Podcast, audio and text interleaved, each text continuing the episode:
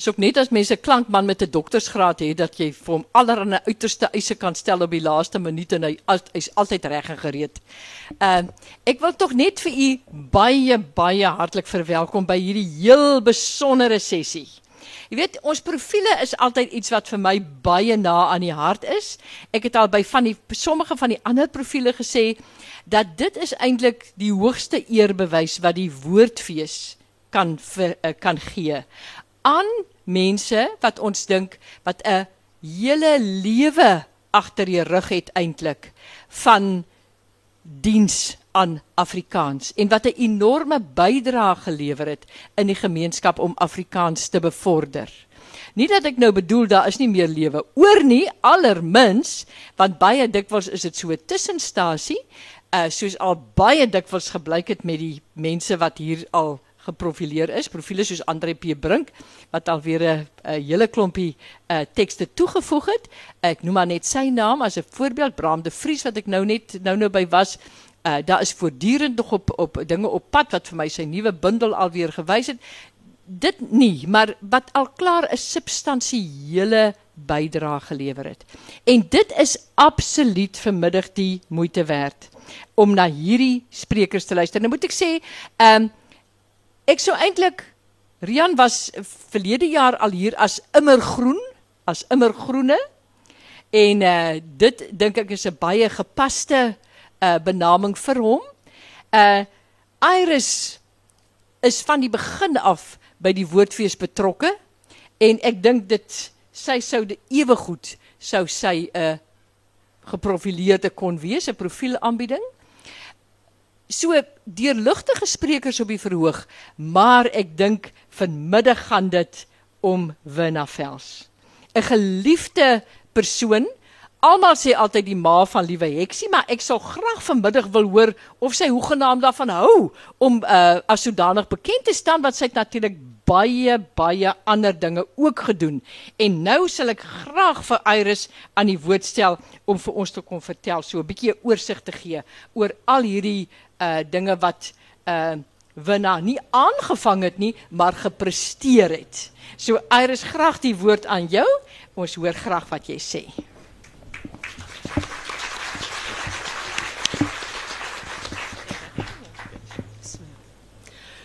Goeiemiddag en baie dankie vir die voorreg om hier te kan wees om oor Winna iets te sê. Ek is gevra om oor Winna se bydrae tot die uitsaaiwese in Suid-Afrika te praat en Rian oor haar as mens. Nou ek is jammer vir jou Rian, maar vandag kom jy tweede. Ek sê ek in die eerste sê. ek dink dit is baie moeilik om die werk en die mens in die bedryf te skei. Vir die meeste van ons is dit 'n stimulerende en opwindende leefwyse. Maar van die uitsaai bedryf is nou al grappenderwys gesê of dalk ernstig. Radio is the theater of the mind and television is the theater of the mindless. Nou Werna was in haar voltydse loopbaan van 39 jaar by die SAK, sowat 19 jaar by radio en ook 19 jaar by televisie. So Werna, ons sal graag later van jou hoor. Wat was die uitdagings wat die verskillende mediums vir jou gebied het? Werna begin haar uitsaai loopbaan in Desember 1954 by die SAK in Durban. Enkele weke nadat sy haar BA graad aan die Universiteit van Pretoria met drie hoofvakke, naamlik Afrikaans-Nederlands, Engels en kunsgeskiedenis behaal het. Maar hoe sy reageer het op die oproep van Kosie Jooste dat hulle haar wil aanstel en hoe Jan Skutte haar toe van die rak afgehaal het, moet sy myself vertel. Wille word aangestel as vroulike programassistente. Dit was toe in 1954 die amptelike titel vir 'n vroulike omroeper. In 1970 sluit ek by die SAIK aan en ek word aangestel as 'n vroulike programassistente tog te bly om die omroepwerk te doen. Later sou ek uitvind die assistente benaming is net omdat ons minder as die mans betaal word. Ek dink in elk geval nie die mans het meer as ons gekry nie want ek die parkeerplek van die SAIK dopgehou deur die jare en dit lyk deesdae aansienlik anders. Maar hoe die salaris kwessie toe uiteindelik min of meer reggestel is, sal sy ook praat. Werner sal ook bevestig dat ons ontsettende goeie leermeesters gehad het by die SAIK, by die radio en by die televisie, maar veral by die radio in die vroeë dae. So was Werner ook vir my 'n leermeester in die goeie ou dae van radio in Commissionerstraat in Johannesburg en natuurlik later ook by televisie. In daai vroeë jare het vroue op die radio hoofsaaklik vroue en jeugprogramme gedoen en kunsprogramme in Wynand natuurlik ook dramas gedoen. En ek weet nie of dit waar is of dit 'n legende is nie, maar uh, Anna Neethling Pool wou blykbaar baie graag nuus lees. Kyk, 'n vrou was glad nie gesaghebend genoeg om nuus te lees nie. En dink nou maar net aan Anna se stem. En sy het blykbaar gesê, "Wanneer jy kan my herinner of ek reg is, ja, ek mag net nie nuus lees nie oor ek pramme het."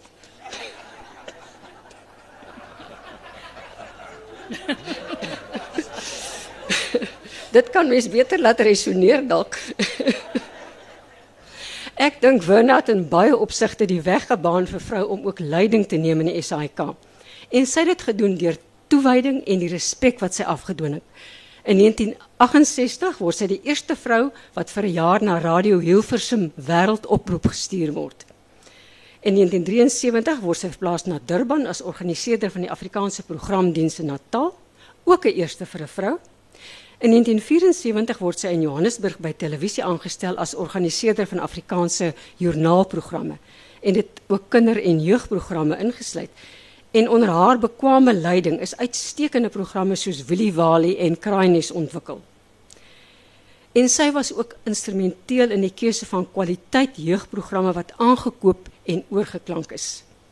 In 1983 word Werner aangestel as die programdirekteur van Afrikaanse programme op TV1 die hoogste pos wat 'n vrou toegehaat het. Ek onthou hoe daar in koerantopskrifte van haar verwys is as the woman at the top. Veral in 'n onlangse kyknet program oor formidabele vroue is die punt nogal aangeraak. En in dieselfde program is daar 'n uittreksel uit 'n artikel van van artikel van Philippa Breitenberg in die Transvaal oor daai vroeë jare van televisie wat so lui. Die sowat meer as 100 vroue wat nou in diens is van die SHK TV beur net vorentoe, altyd deur bult uit. Dis hulle eienskappe van moed en uithou vermoë wat hulle volkome geskik maak vir die veeleisende werk. So was min vroue wat hard gewerk het. Ek dink die aanhaling gee 'n aanduiding van die gees van die tyd, maar ook die opwinding van daai beginjare van televisie en miskien sal Werner daaroor ook wil uitbrei. Na haar aftrede begin daar vir Werner 'n tweede loopbaan in die televisiebedryf. Sy verskuif seepglad van Henleyweg in Auckland Park na Sewende Laan. Die vervaardiger van die Sepie Sewende Laan Dani Odendaal betrek haar by die dinkskrim van Sewende Laan omdat hy besef het hulle het 'n goeie storiekop nodig. Sy is nou nog 2 dae 'n week daar as to toesighoudende vervaardiger. Sy sit bo in die boks of die kontrolekamer en hou 'n finale oog oor die eindproduk. Maar hoekom sy 'n voorskot nodig het om die werk te doen, moet sy ook self vertel. Werner het vroeg in haar loopbaan vir die radio begin skryf. 'n Jeugverhaal van haar Alet wat sy in 1965 vir die radio geskryf is, het in 1978 verskyn is deur 'n perskor uitgegee. Sy het ook radiodramas geskryf, vertaalwerk gedoen en haarself goed ingeburger as skrywer by die radio. Sy het deur die jare verskeie toekenninge ontvang. 'n Artes, die ATKV het haar vereer, die FHK, kyk net Fiesta en onder andere die Tini Holloway medalje vir kleuterlektuur van die Akademie vir Wetenskap en Kuns. Nou wonder almal seker maar wat van liewe Heksie. Hoekom het ek nog niks oor haar gesê nie? Eerstens is omdat dit lekker is om die lekkerste verlaaste te bære, maar ook omdat ek baie graag wou beklemtoon dat Werner aan die uitsaaiwese afgesien van Heksie groot hoogtes bereik het. Met Heksie het Winne natuurlik nog hoër gevlieg en seker die bekendste en beminste karakter karaktertjie in die Suid-Afrikaanse kinderlektuur geskep. Die eerste liewe Heksie verhale is reeds in 1961 uitgesaai. Maar Heksie het nie aanvanklik die hoofrol gespeel nie. Net so interessant is die feit dat die saadjie vir liewe Heksie reeds in 1939 geplant is met die eerste animasiefilm wat in Suid-Afrika gewys is. Maar daai storie moet Werner ook self vertel. Ook van hoe die karakters soos koning Rosekraans sy naam gekry het. Heksie het na 1963 regtig bekend geraak. En ek dink die res soos hulle sê is geskiedenis. Radioprogramme, televisiereekse, boeke, plate, nou nog is dit seker een van kinders se grootste gunstelinge. Vir my sal dit interessant wees om te sien hoe heksie in die 22ste eeu gaan lyk en of sy in Aspoestertjie en Sneeuwwytjie nie die spreekwoordelike verhoog sal deel nie, want ek dink hulle is op dieselfde vlak wat gehalte betref. Toe ek vir hun vir Werner bel en noem dat Meld my gevra het om vandag hier 'n bydrae oor haar te lewer, toe sy gesê, "Ag, tog moet dit asseblief nou net nie weer oordoen nie." En ek dink dis een van haar mees besondere eienskappe. Haar beskeidenheid ten spyte van wat sy bereik het. Wanneer dit is vir my 'n ontsettende groot voorreg om saam met jou hier op die verhoog te wees, om saam met jou te kon werk en om in die beperkte tydjie hulde te bring aan 'n ikoon in die uitsaaiwese.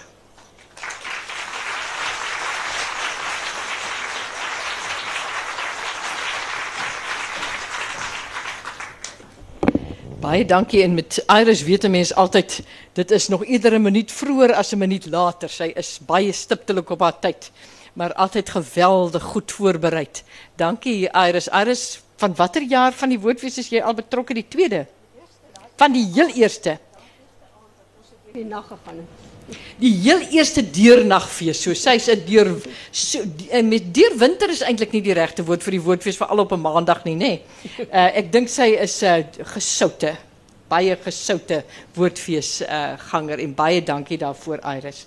Uh nou kom ons by een ikoon wat 'n ander ikoon voorstel. Dit is ook 'n interessante situasie hierdie want uh, ek dink ek hoef nie eers daarop uit te brei nie. Verlede jaar het uh, ons vir Rian hier gehad met sy boek uh, wat verskyn het en natuurlik op soos ek al gesê het omdat ons hom beskou as immergroen. Toe ons dink aan 'n immergroen persoon, toe uh, was Rian een van die eerste name wat uh, geval het. So Rian, ons hoor baie graag. Jy het ook 'n lang uh, geskiedenis in die uitsaaiwese uh natuurlik agter die rug wat jy baie moet uh, wanneer jy baie moet win dat te doen gekry het en ons hoor graag wat is jou blik op haar as persoon as mens.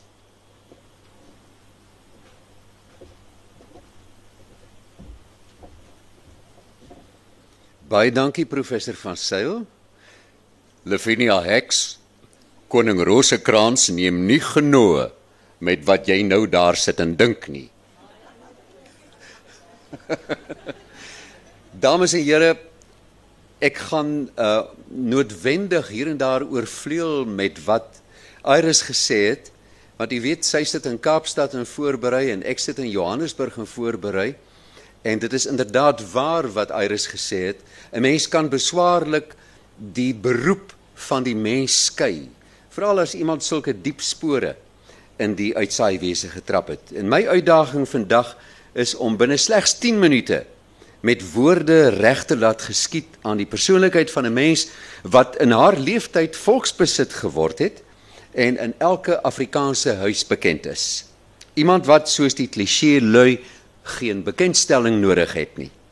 Want elkeen wat ooit destyds na die Afrikaanse radiodiens van die SAIK geluister het of liewe heksie boekies gelees het of die reeks op televisie gevolg het, weet wie Werner is. Dit is vir my 'n uitnemende voorreg om oor die mens agter die gewaardeerde oud kollega en dierbare vriendin van die afgelope 45 jaar te praat. Jy weet die Bybel sê 'n mens se leeftyd is 70 jaar of as jy sterk is 80 jaar. In Werner se geval is haar ouderdom net van akademiese belang. Dit is bloot 'n kronologiese gegewe. Want luister ek na Werner wanneer ons gesels, is dit nog presies dieselfde goed gemoduleerde en vriendelike stem wat ek destyds oor die radio geleer ken en bewonder het. En dis nog steeds dieselfde keurige Afrikaans wat soos goue munte van haar tong afrol as toe sy vroue rubriek in die voorportaal en vir die kleinspan aangebied het. Soos elke ander mens is Wina ook in haar prille jeug deur haar omgewing gevorm en beïnvloed. Sy is op 13 Junie 1933 op Ryds in die Vrystaat gebore. Ofskoon dit in die moeilike depressiejare was, het die kultuurlewe op Ryds gedei. Werna het musiekonderrig ontvang terwyl haar belangstelling in die lettere en kunste ook geprikkel is.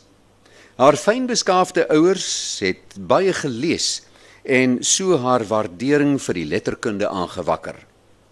Reisende Afrikaanse toneelgeselskappe het reeds gereeld besoek en die jong Werner is bekoor deur die wonderwêreld van die teater en die verhoog. En daarom het sy ook gretig meegedoen aan die jaarlikse musiekfees by die skool op Ryds. In daardie jare en die ouer mense sal dit miskien onthou, het sigaretpakkies 'n reeks kleurvolle kaartjies bevat met prentjies van beroemde plekke oor see. Sy het die kaartjies geesdriftig versamel en haar verwonder aan die afbeeldings van al die beroemde plekke en kunswerke. Sy het geweet eendag sou sy al daardie plekke nog self besoek. Nadat Werner aan die hoërskool Ryds gematrikuleer het, het sy in 1952 aan die Universiteit van Pretoria begin studeer vir die graad BA met Afrikaans-Nederlands, Engels en kunsgeskiedenis as hoofvakke. Sy wou 'n joernalis word maar het tog op aandrang van 'n studentemaat 'n omroeperstoets by die SAIK in Pretoria gaan aflê. En dit was in Augustus 1954 in haar finale studiejaar. Toe sy na 'n maand of 2 nog geen taal of tyding van die SAIK ontvang het nie, het sy gedink dis Ikabot met 'n loopbaan in die uitsaaiwese. Middel November 1954, 2 dae voordat sy haar laaste vak moes skryf, bel die SAIK haar uit die bloute en vra ewe versigtig indien ons u 'n pos sou aanbied, sou u bereid wees om in Durban te gaan werk?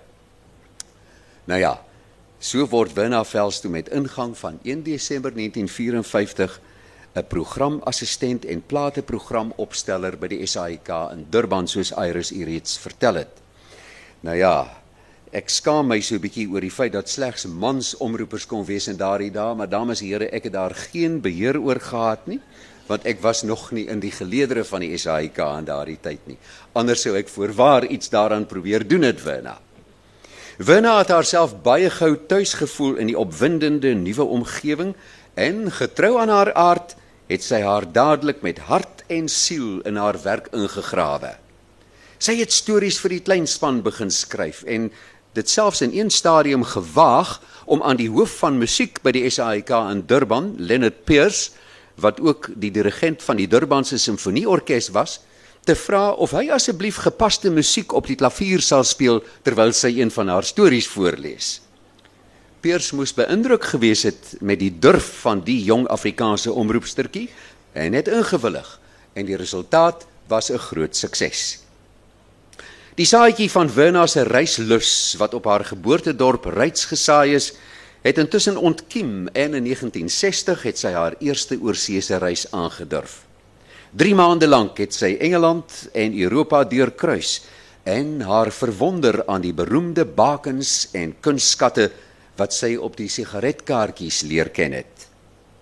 Na 9 jaar in Durban is Wena in 1963 na Johannesburg verplaas met die primêre opdrag om die daaglikse joernaalprogram Vroue rubriek te hanteer of soos party vroue luisteraars gesê het, vroue fabriek. Dit het sy met onderskeiding gedoen en goue spesiale plek in die harte van die Afrikaanse vroue luisteraars verwerf. Haar simpatieke aanbieding, keurige taalgebruik en innemende persoonlikheid het van haar kort voor lank 'n gewilde ster van die Afrikaanse diens gemaak. Desondanks was sy en haar vroulike kollegas steeds programassistente en nie omroepers nie. En dit was vir hulle 'n doring in die vlees. Ons dinamiese oud kollega Monica Breed is deur die personeelvereniging waarvan Werna ook 'n lid was, afgevaardig om die vroue se saak in duidelike taal aan die bestuur te stel. Om 'n lang storie kort te knip, die knoop is deurgehak. Vroue kon omroepers wees met dieselfde salarisse as mans en die weg is gebaan vir Werna Vels om die korporatiewe leer met mening te klim. In 1968 is Werna na Nederland oorgeplaas, soos u gehoor het, waar sy 'n jaar lank by Radio Nederland Wêreldomroep se Afrikaanse afdeling gewerk het. In daardie jare is daar 'n daaglikse program in Afrikaans op kortgolf uit Nederland uitgesaai en Werna was in haar element. Sy het die geleentheid gehad om onderhoude te voer met bekende sangers, digters en vele ander. Sy het haar liefde vir die kunste en die teater wat op reeds aangeleer is in Europa laat botvier. Op haar reise deur Europa was besoeke aan bekende plekke soos herontmoetings met ou kennisse. Werna het begin om van elke reis 'n projek te maak, 'n tema daaraan te verleen.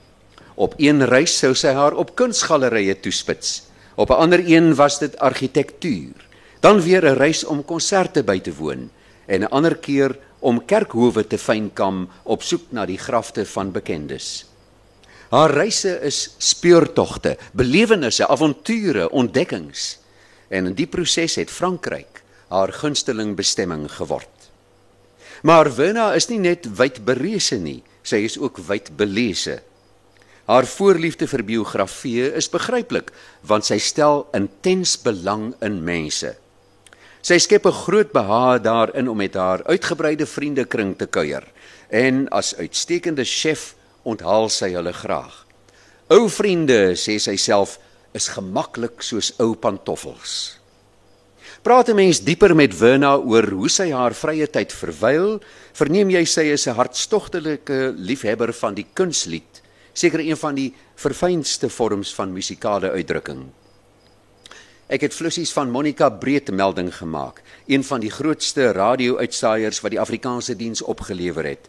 Sy word van dese maand 90 en sy is byna blind. Net soos Werna is sy ook op Ryds in die Vrystaat gebore en getoe. Toe ek haar skakel om haar oor Wina uit te vra, het sy in 'n neutedop bevestig wat ek reeds geweet het.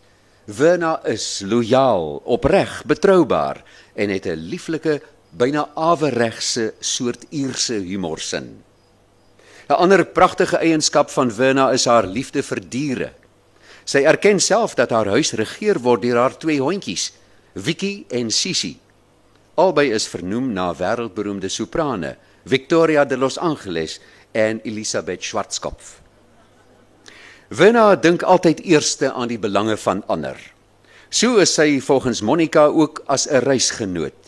Want saam het die twee die wêreld deurkruis en alle uithoeke van die aarde verken.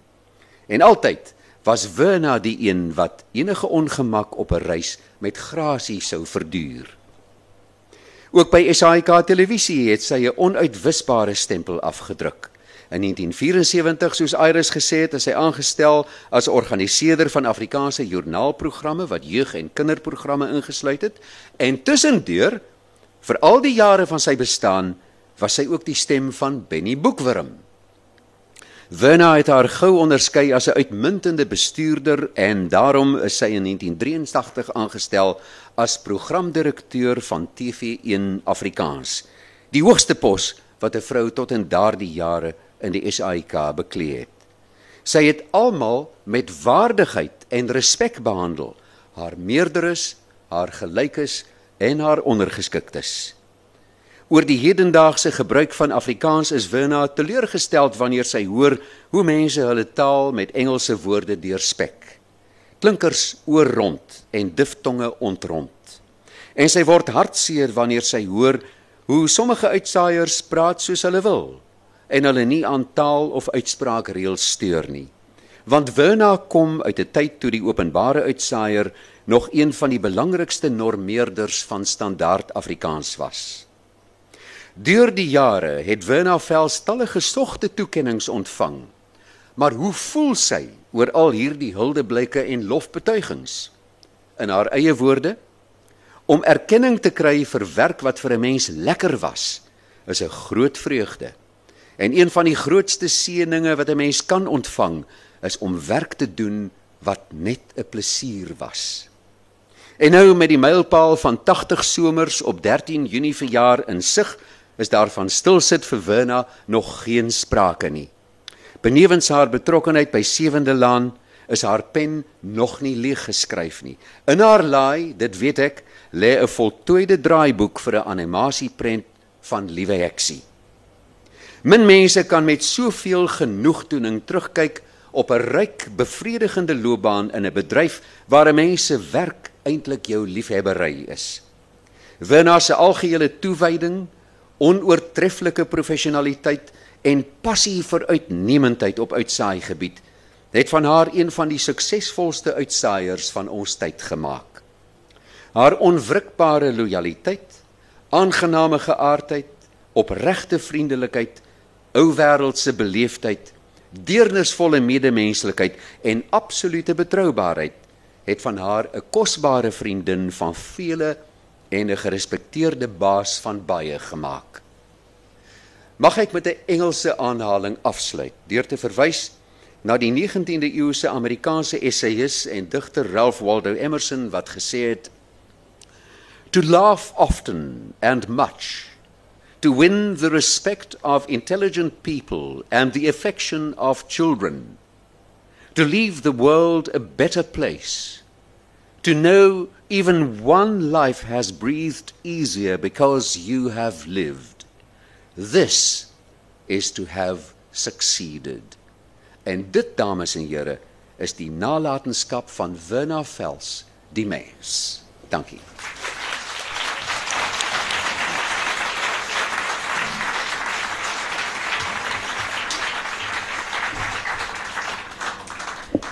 Baie dankie Rian. Dit was iets baie besonders.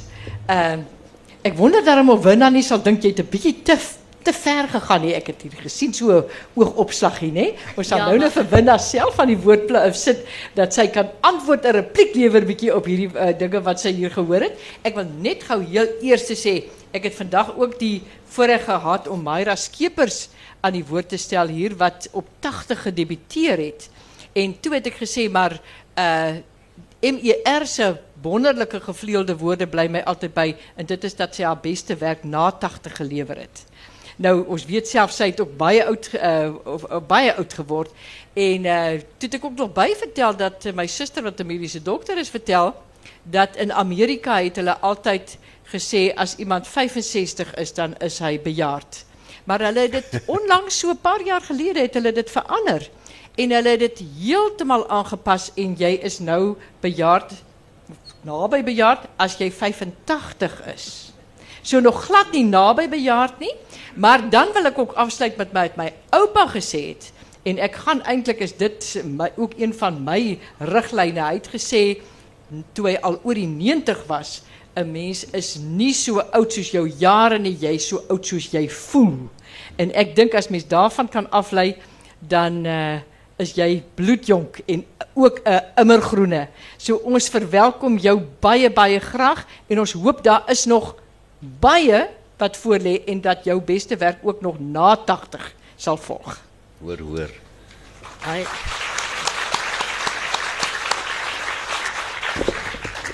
Ons gaan nou so 'n bietjie meer informeel wees. Uh Winna bly sit. So nou en dan kan ons ander so 'n bietjie inkom van die kant af dalk om nog iets te vra en ek wil dit eintlik sommer sê as julle 'n dringende gevoel of 'n begeerte het om nou onmiddellik te reageer, sal ons julle ook nie verkwalik nie. Dit gaan 'n lekker informele gesprek wees. Baie dankie uh, Dorothea. Baie dankie aan Iris en aan Rian. Uh, maar ik kan eindelijk niks oor Jan se sê nie want ek, ek het dit my baie gekos dat hy hierdie mooi woorde sê. Ja, maar die check het geholp. agter toe sit dat jy 'n nou bietjie rustiger kan agter toe sit. Goed, dankie. Ehm um, ek moet net sê omtrent daai uh, die, die salarisse uh, van de omroep, omroepers en programassistente uh, die dag toe ons personeelvereniging uh, vir Monica afgevaardig het om uh, daaroor te gaan praat Toen was het diezelfde dag waar die groot toespraak van meneer Harold Macmillan was. The Winds of Change toespraak. En die um, directeur-generaal van daardie dag het gesig toe hy sien hierdie onderwerp is weer op die lys van van uh, werk wat hulle daai dag met deurgaan. Hy het dit genoem this hardy annual is here again. en uh, toe sê hy nou maar, hy kyk op sy horlosie, hy sê dis nou 10 voor 11. Ons gaan breek vir 'n tydjie om na meneer Macmillan se toespraak te luister, maar kom ons handel nou maar net gou hierdie dingetjie af. Toe sê Monica vir hom, mag ons maar wag tot na meneer Macmillan se toespraak. En gelukkig het al die manlike kollegas haar ondersteun en hulle toe gewag en na die tyd was dit toe nou nie net meneer Macmillan se winds of change nie, maar die SAIK se winds of change. En uh, ons is Iris was reg, ons is op dieselfde skaal of was dit Rian wat dit gesê het? Iris. ons is op dieselfde skaal uh, toe aangestel en so, maar nou moet ek net byvoeg baie laag op dieselfde skaal.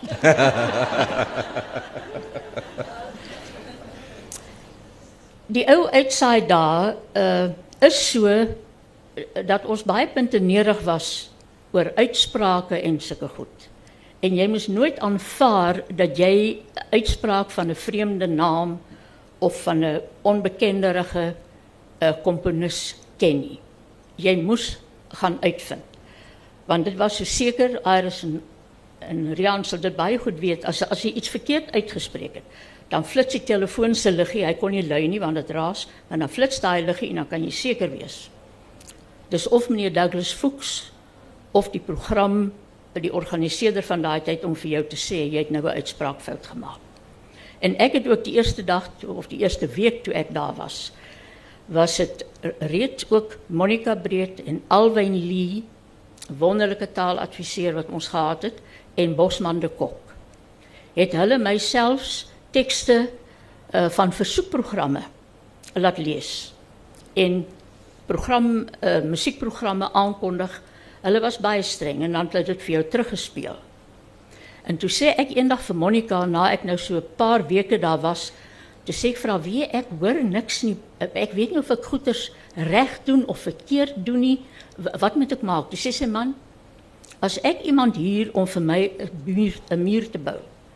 En hy kom elke keer na 'n baksteen gelê het na my toe aangehardloop om te kom kyk hoe lyk daai baksteen. Dan steek ek hom in die pad. Sê sy jy sal gou genoeg hoor as jy nie die goeders reg doen nie. Ehm um, die beginjare van televisie, ek dink die radio, ons weet wat als daar daar was en so aan. Die radio het jy gevoel jy het beheer oor wat jy doen. Maar die beginjare van televisie het ek gevoel dit is nou heeltemal buite beheer. Baie van ons het so zombies daar rondgeloop en gedink maar ons gaan hierdie ding nooit onder die knie kry nie. Dit was regtig baie moeilik en die SAIK het baie, baie moeite gedoen. Hulle het uh, mense van van die BBC en van oral gekry om ons op te lei. En toe ewe skielik toe daar 'n lig opgegaan en ons het begin programme maak. Die kinderprogramme moes ook ons moes ons uit niks uit opbou. Uh eintlik al die programme. En ek dink een van die afdelings waarop die SAIK baie trots was, was ons oorklankingsafdeling. En ek is bly om te sê ek sien vir June Seymour hier in die gehoor en onder haar leiding wat dit so wonderlik ontwikkel het. Miskien net 'n bietjie water drink.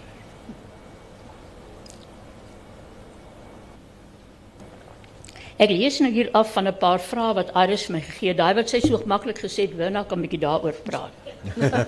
Dis jou stories. Uh ja, en nou die die die die werk wat ek nou by Sewende Laan 2 dae 'n week doen. Ek sê altyd 'n ou pensionaris kan nie so baie werk nie. 2 dae 'n week is heeltemal genoeg.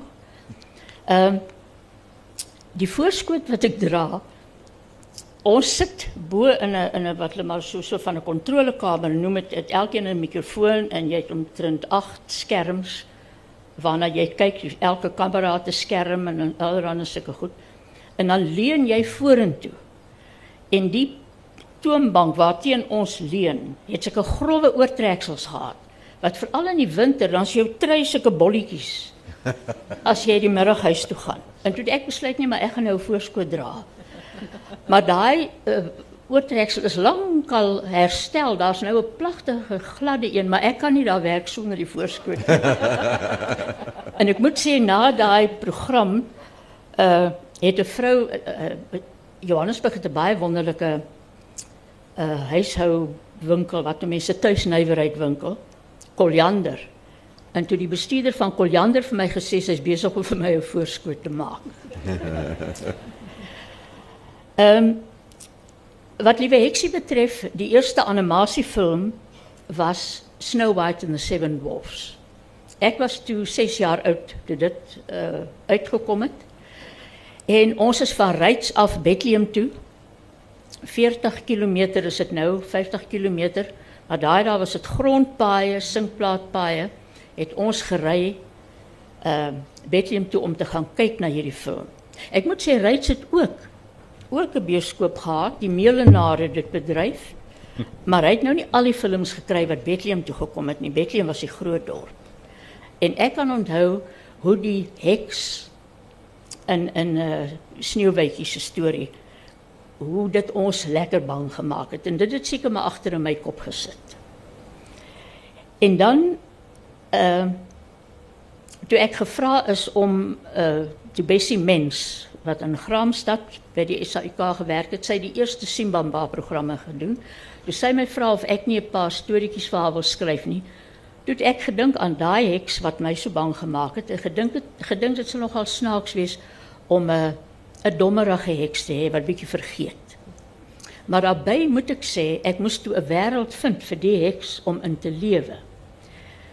Uh die geel heks was ook al in my kop, alhoewel dit toe 'n geel koning was, maar hy het verdwyn met die jare.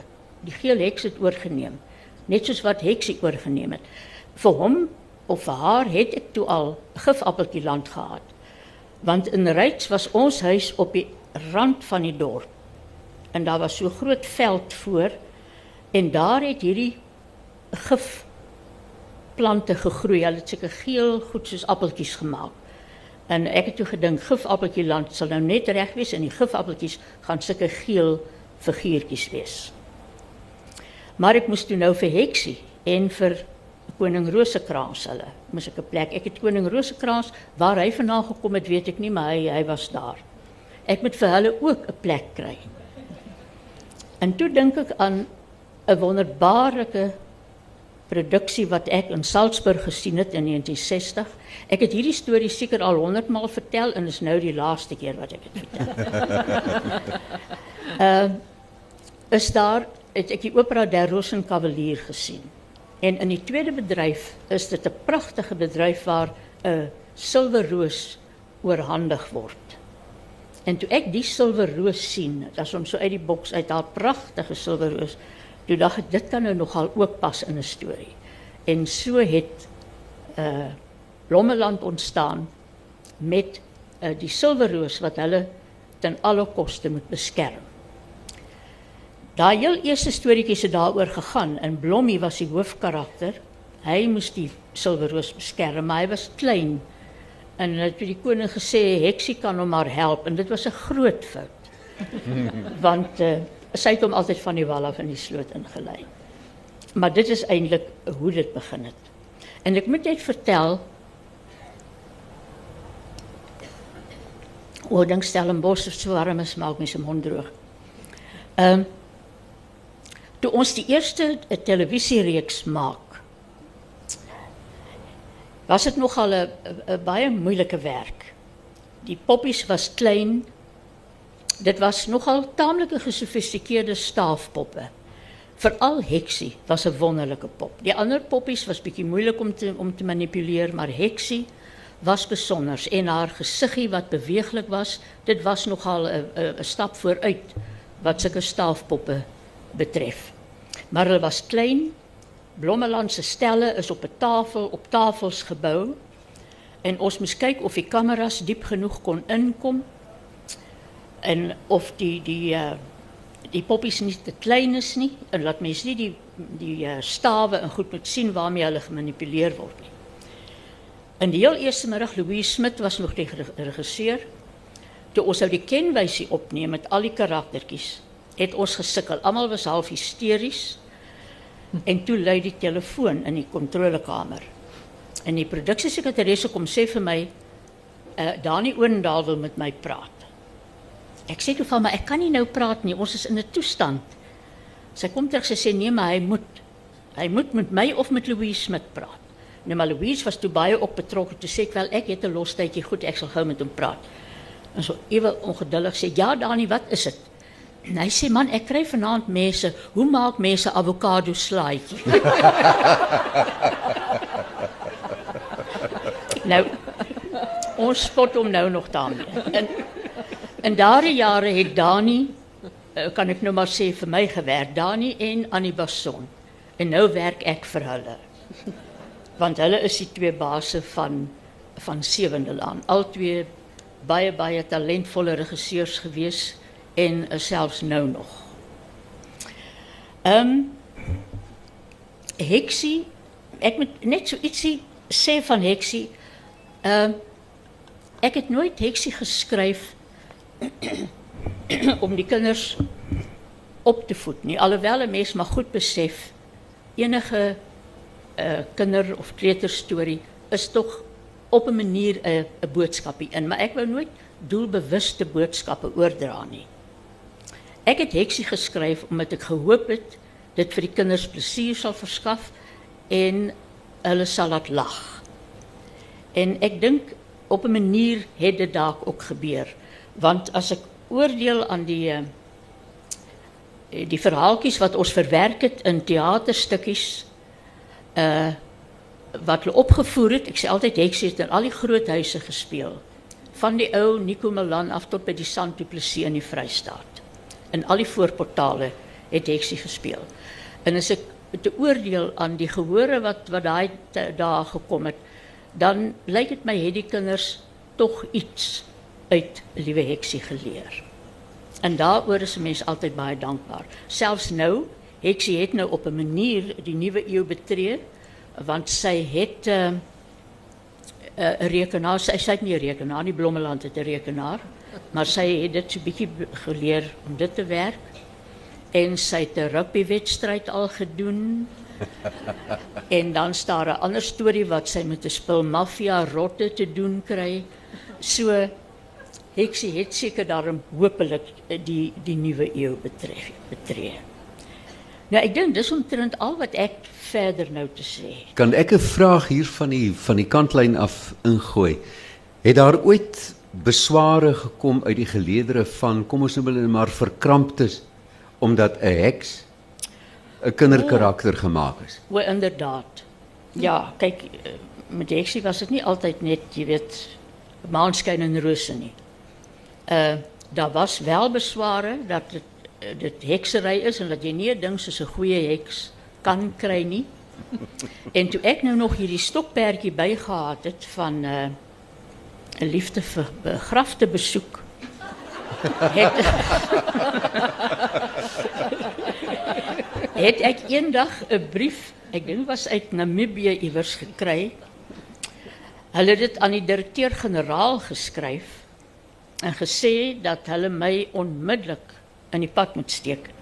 Want nie alleen is ek 'n 'n satanis wat oor 'n uh, hekse skryf nie, maar ek kruip in Europa in grafkelders rond. en toe het die brief natuurlik by my uitgekom en ek het dit toe beantwoord. En die volgende brief wat ek toe gekry het is toe nou baie apologeties en die dame skryf toe o soos Jim Reeves gesing het a, a stranger is just a friend you haven't met. nou ja. Ek weet nie wat vir my ergste was die die die die, die Jim Reeves of die, of satanisme. maar nee, nee, daar was daar was inderdaad probleme. Maar ek het nog altyd gesê uh Heksie bedoel dit alles so goed.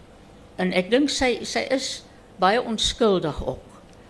En uh Ek was altyd baie bly om te hoor dat daar wel skole was. Selfs hier in die Kaap was was 'n Engelse skool wat elke jaar het hulle staande 3 staande 3 klas vir my tekeninge van heksie gestuur.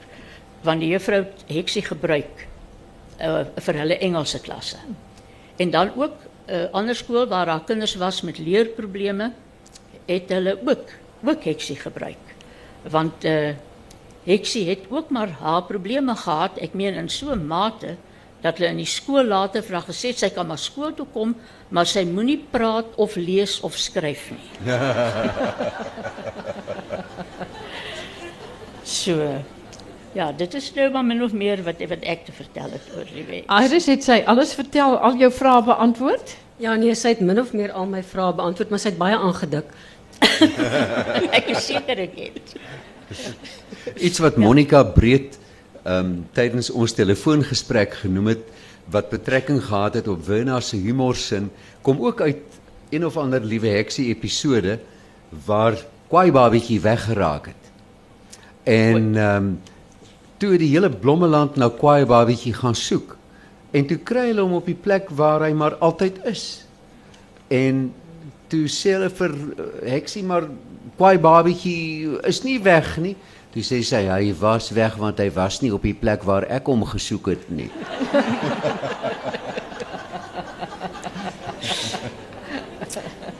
Ja, ek weet nie het het ons nog tyd? Het is daar Daar is nog 'n bietjie tyd. Wil jy nie vir ons daardie uh, uh, verhaal 'n stukkie van lees uh, of het jy hom nou al taamlik Uh, ek het hier uh, uh, ek kan dalk net so 'n stukkie van die liewe heksie in die rekenaar lees, maar ek sal dit baie opsommend doen en so aan.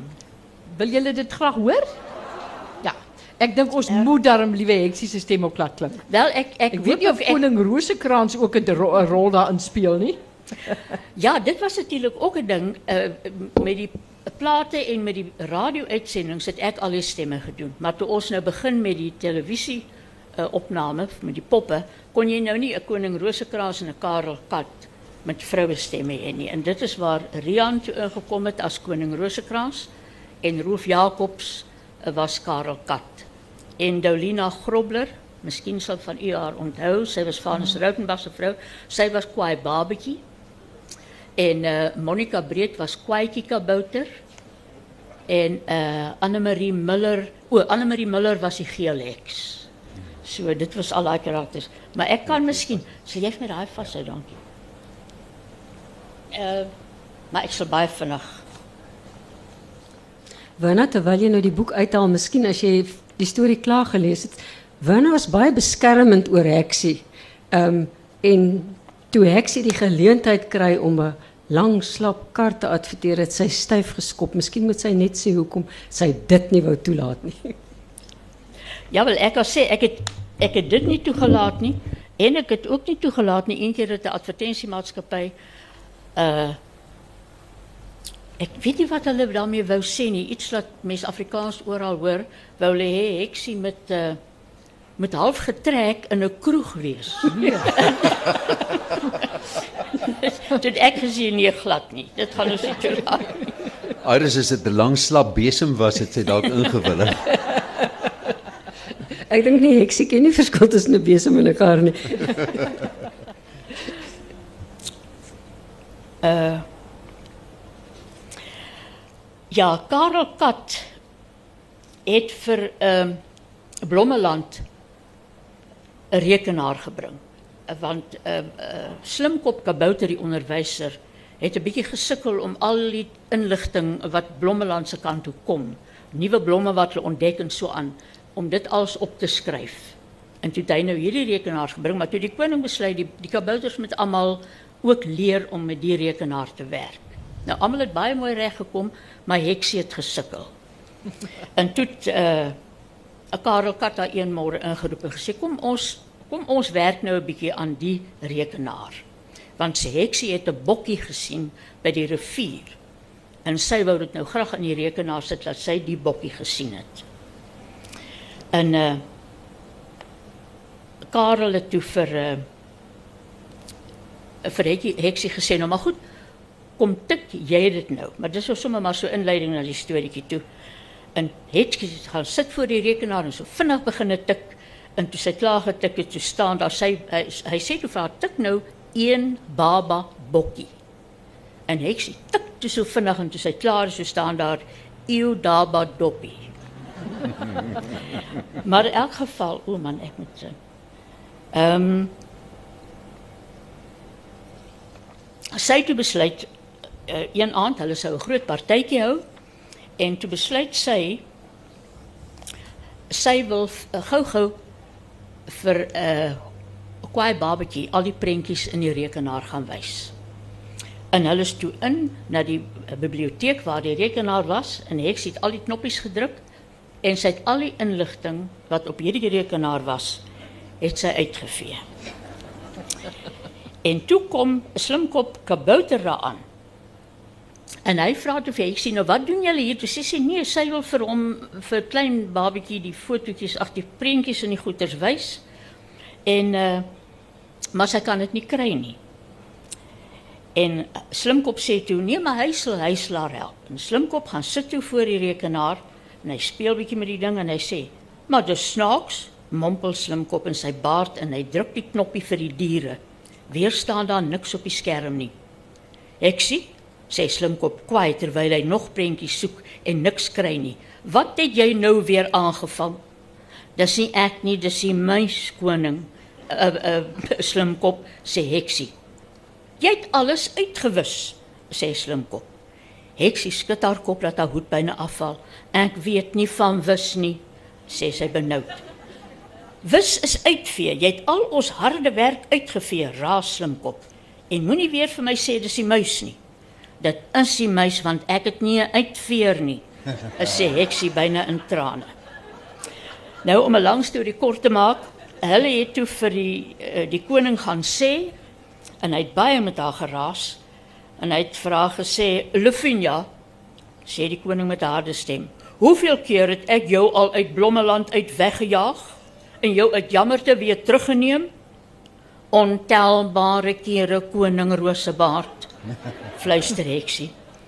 En sy staan voor die koning en huil. Nou hy het toe vir haar gesê, sy moet pad gee die volgende dag. Sy mag nie daai aand na die partytjie toe kom nie want hulle moes afskeid neem van Karel. Sy mag nie partytjie toe kom nie en sy mag nie weer aan die rekenaar vat nie en sy sy en Matteus moet weg wees die volgende dag. Nou toe begin Heksie so stadig aan haar goedjies inpak en terwyl sy daarmee besig is, toe sê sy vir, vir Matteus sy gaan net gou deur die paleis se vensters loer wat by die partytjie gebeur want sy mag nou nie daar wees nie. En hy het haar probeer keer, maar sy wou nie luister nie. En Ja, en toe sy paleis toe vlieg. Ekskuus, ek som nou regtig baie op. Toe sy nou paleis toe vlieg om deur die vensters te gaan loer, toe vlieg sy oor die biblioteek. En toe sien sy maar daar skyn 'n dowwe lig in die biblioteek. En sy fluister toe: "Haai o, Karel Kat is seker besig om die venstertjie reg te maak." Fluister sy en sy besluit om te gaan kyk wat in die biblioteek aangaan. Sy gaan siekies binne en daar sien sy is glad nie Karel Kat wat voor die rekenaar sit nie, maar 'n aardige mannetjie met 'n lyfie wat soos 'n rekenaar muis lyk. Hy het 'n klomp lang vingertjies en 'n langwerpige kop. Eintlik meer vingertjies as wat Heksie kan tel en hy is besig om verskriklik vinnig te tik. "Haai, wat maak jy met ons venstertjie, hè, Gogga?" sê Heksie hard en die mannetjie val byne van die stoel af soos hy skrik. Ek ek ek is net besig om julle rekenaar reg te maak, sê hy senuweeagtig en spring vinnig op, gereed om weg te hardloop. Maar Heksie stoot hom met haar besem se punt terug in die stoel. Sy druk hom so vas dat hy nie kan uitkom nie. En na en na los my, skreeu hy. Jy druk al my krag uit. Wat se krulletjies en kruisies het jy in ons venstertjie gemaak, hè? Skreeu Heksie net so hard. In elk geval sy hou hom toe daar en toe terwyl sy hom vashou roep sy na die paleis se kant toe. Jo Karel koning Rosebaard kom kyk wat het ek gevang. Almal by die partytjie hoor die geroep maar die koning is nog kwaad Dis net Lavinia Heks wat probeer aandag trek. Moenie julle daaraan steur nie, sê hy. Maar Karel besef toe later daar moet 'n fout wees. Heksie sal nie so aangaan nie. En hy sê toe vir die koning hulle moet maar gaan kyk. En toe hulle daar kom, toe gee Karel een kyk en hy sê: "Wel, wel, wel. As dit nie my ou vriend Wikus virus is nie." uh, Mooi, my liewe Lefinia, dit was slim van jou om hom te vang. Haai, dankie Karel, sê Heksie skaam. Maar wie is dit, Karel? vra die koning. Hy is 'n skelm wat 'n rekenaar so kan opdons en siek maak dat 'n mens dit nooit weer kan gebruik nie. Sy naam is nie verniet Wikus virus nie, sê Karel. Wikus wrimmel sien hy agter in die stoel. Julle rekenaar is die mekaar dat ek nog niks kon doen nie. Julle het seker julle eie virus in Blommeland. Koning Rosekraas kan nie help om te glimlag nie. Ja, jy kan seker sê ons het ons eie virus. nou maar laat my los. Ek het tog niks gedoen nie, sê Wikus. En wat van al daardie krulletjies en goed? sê Heksie en gee die besem 'n ekstra pomp. En nou, kerm Wikus. Dis nog net op die skerm, dis nie in die rekenaar nie.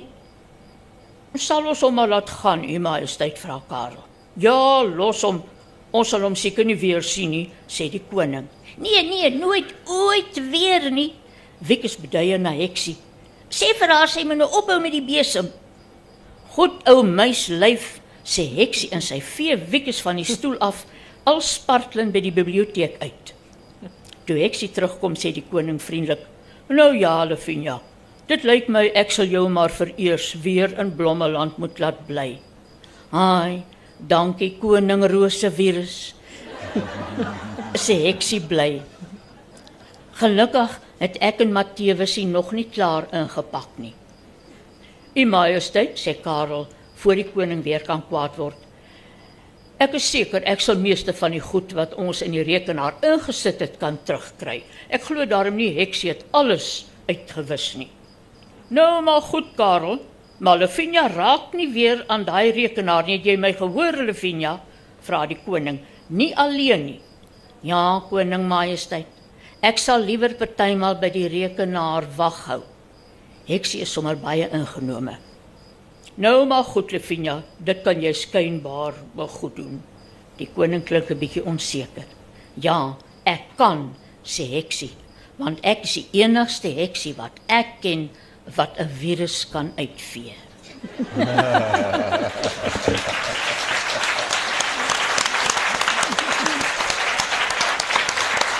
Ek Baie dankie. Ek jammer dit is sommer baie vinnig en nie so baie goed gelees nie, maar dit mense daarmee 'n idee Dis- gegee dis uitstekend. heksie met 'n rekenaar kan doen. Ek dink dis uitstekend en ek is so bly liewe Heksie kry die laaste woord. Want ons tyd is nou verstreke, maar ons kan nog lekker gesels. Ons het uitkykse wyne vir julle hier gereed buite.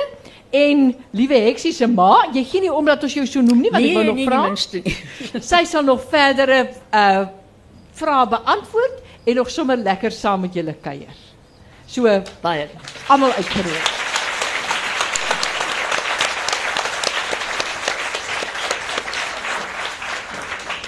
En ek wil daarom net baie dankie sê aan Iris en aan Rian vir hulle bydrae saam met Ja. Ja. Van my af ook baie baie dankie.